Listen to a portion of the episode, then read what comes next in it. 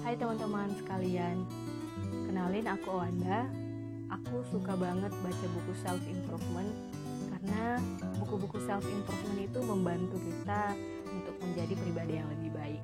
Nah, kebetulan Wanda juga suka berbicara dan dulu pengen menjadi penyiar radio. Kayaknya nggak kesampaian dan Wanda rasa podcast adalah tempat yang tepat ya teman-teman. Semoga teman-teman suka dan di podcast ini Wanda akan mengambil beberapa kalimat-kalimat atau mengulas buku self improvement yang Wanda suka yang tentunya akan Wanda beritahu uh, buku apa yang Wanda baca. Terima kasih, semoga teman-teman suka.